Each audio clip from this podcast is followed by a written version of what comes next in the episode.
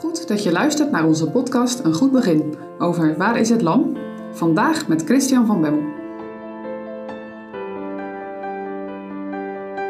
We beginnen vandaag met het lezen van Exodus 12 en het gedeelte van vers 21 tot en met 28. Mozes dan riep al de oudsten van Israël en zeide tot hen: Leest uit en neemt u lammeren voor uw huisgezinnen en slacht het paascha. Neem dan een bundelke hyssop en doop het in het bloed dat in een bekken zal wezen en strijkt aan de bovendorpel en aan de beide zijposten van dat bloed, het welk in het bekken zal zijn. Doch u aangaande, niemand zal uitgaan uit de deur van zijn huis tot aan de morgen. Want de Heere zal voor doorgaan om de Egyptenaars te slaan. Doch, wanneer hij het bloed zal zien, aan de bovendorpel en aan de twee zijposten, zo zal de Heere de deur voorbij gaan en de verderven niet toelaten in uw huizen te komen om te slaan. Onderhoud dan deze zaak tot een inzetting voor u en voor uw kinderen tot in eeuwigheid. En het zal geschieden, als gij in het land komt, dat u de Heere geven zal, gelijk hij gesproken heeft, zo zult gij deze dienst onderhouden. En het zal geschieden, wanneer uw kinderen tot u zullen zeggen, wat hebt gij daar voor een dienst? Zo zult gij zeggen, dit is de Heere een paasoffer, die voor de huizen der kinderen Israëls voorbijging in Egypte, toen hij de Egyptenaar sloeg en onze huizen bevrijdde. Toen boog zich het volk en neigde zich. En de kinderen Israëls gingen en deden het, gelijk als de Heere Mozes en Aaron geboden had. Alzo deden zij. Veilig achter bloed. Dat is het thema voor vandaag. Veilig achter bloed. We hebben inmiddels samen al vier keer nagedacht over dat paaslam. Eerst hoorden we dat het zonder gebrek moest zijn. Toen dat het in huis genomen werd. Daarna dachten we over het bloed. Gisteren het zuurdeeg. En vandaag is het kenwoord veilig. Veilig. Voel jij je veilig? Nou, misschien denk je, ja natuurlijk, waarom niet? Nou, vergis je niet hoor. Er zijn heel wat mensen die zich niet veilig voelen. Terwijl ik deze podcasts uitwerk, is de oorlog in de Oekraïne meer dan een week oud. Ik zie ingrijpende beelden van kapotte gebouwen. Het is daar alles behalve veilig. En misschien zijn er wel ingrijpende de foto's van mensen die in metrostations of op andere plaatsen onder de grond veiligheid en bescherming zoeken.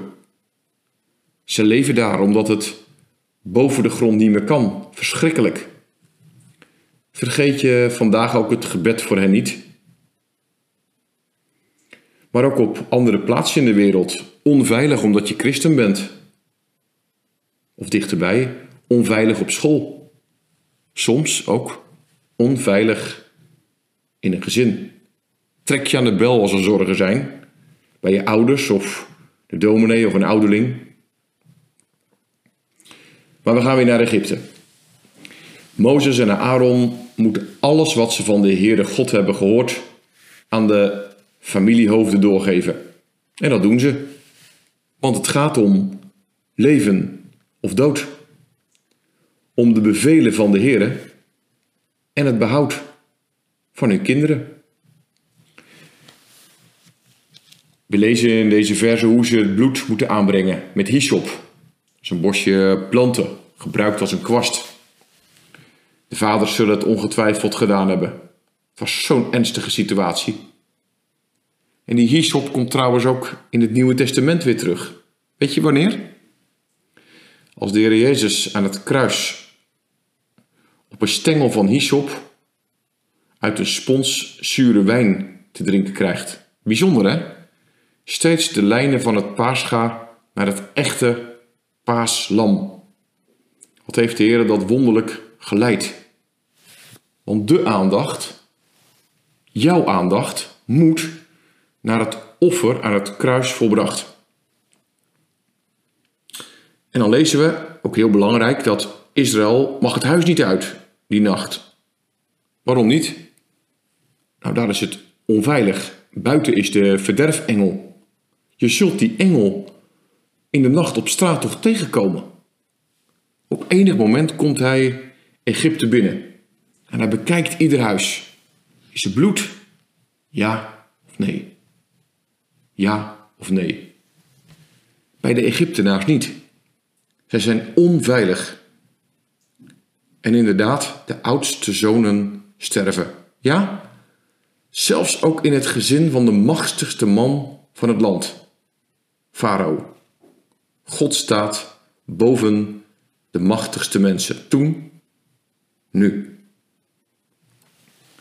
Maar achter het bloed hoef je niet bang te zijn. Geen vrees. Je bent te veilig. Geen gevaar, maar rust. Geen dood, maar leven. Geen verdriet, maar vreugde. Hoe belangrijk, noodzakelijk, dat dat bloed er is.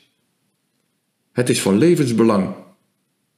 Nu, voor jou. Een nacht zonder bloed toen was levensgevaarlijk. Maar zou dat in 2022 minder het geval zijn? Ik weet niet of de engel overal tegelijk kwam. Ik denk het niet. Huis voor huis. De een had dus meer tijd om het bloed aan te brengen dan de ander. Maar iedereen kreeg een bezoek. Niet iedereen kreeg evenveel tijd. Kijk de krant maar na. Niet iedereen krijgt evenveel tijd. Er is dus haast bij. Geen dag, geen uur te laat. En mag ik je nog op iets moois wijzen? Hoe zondig die families in Israël op zichzelf ook waren. De ouders en de kinderen, maar het bloed spaarden. En dat leert ons dat de kracht is in het bloed om allerlei soorten zonden te vergeven.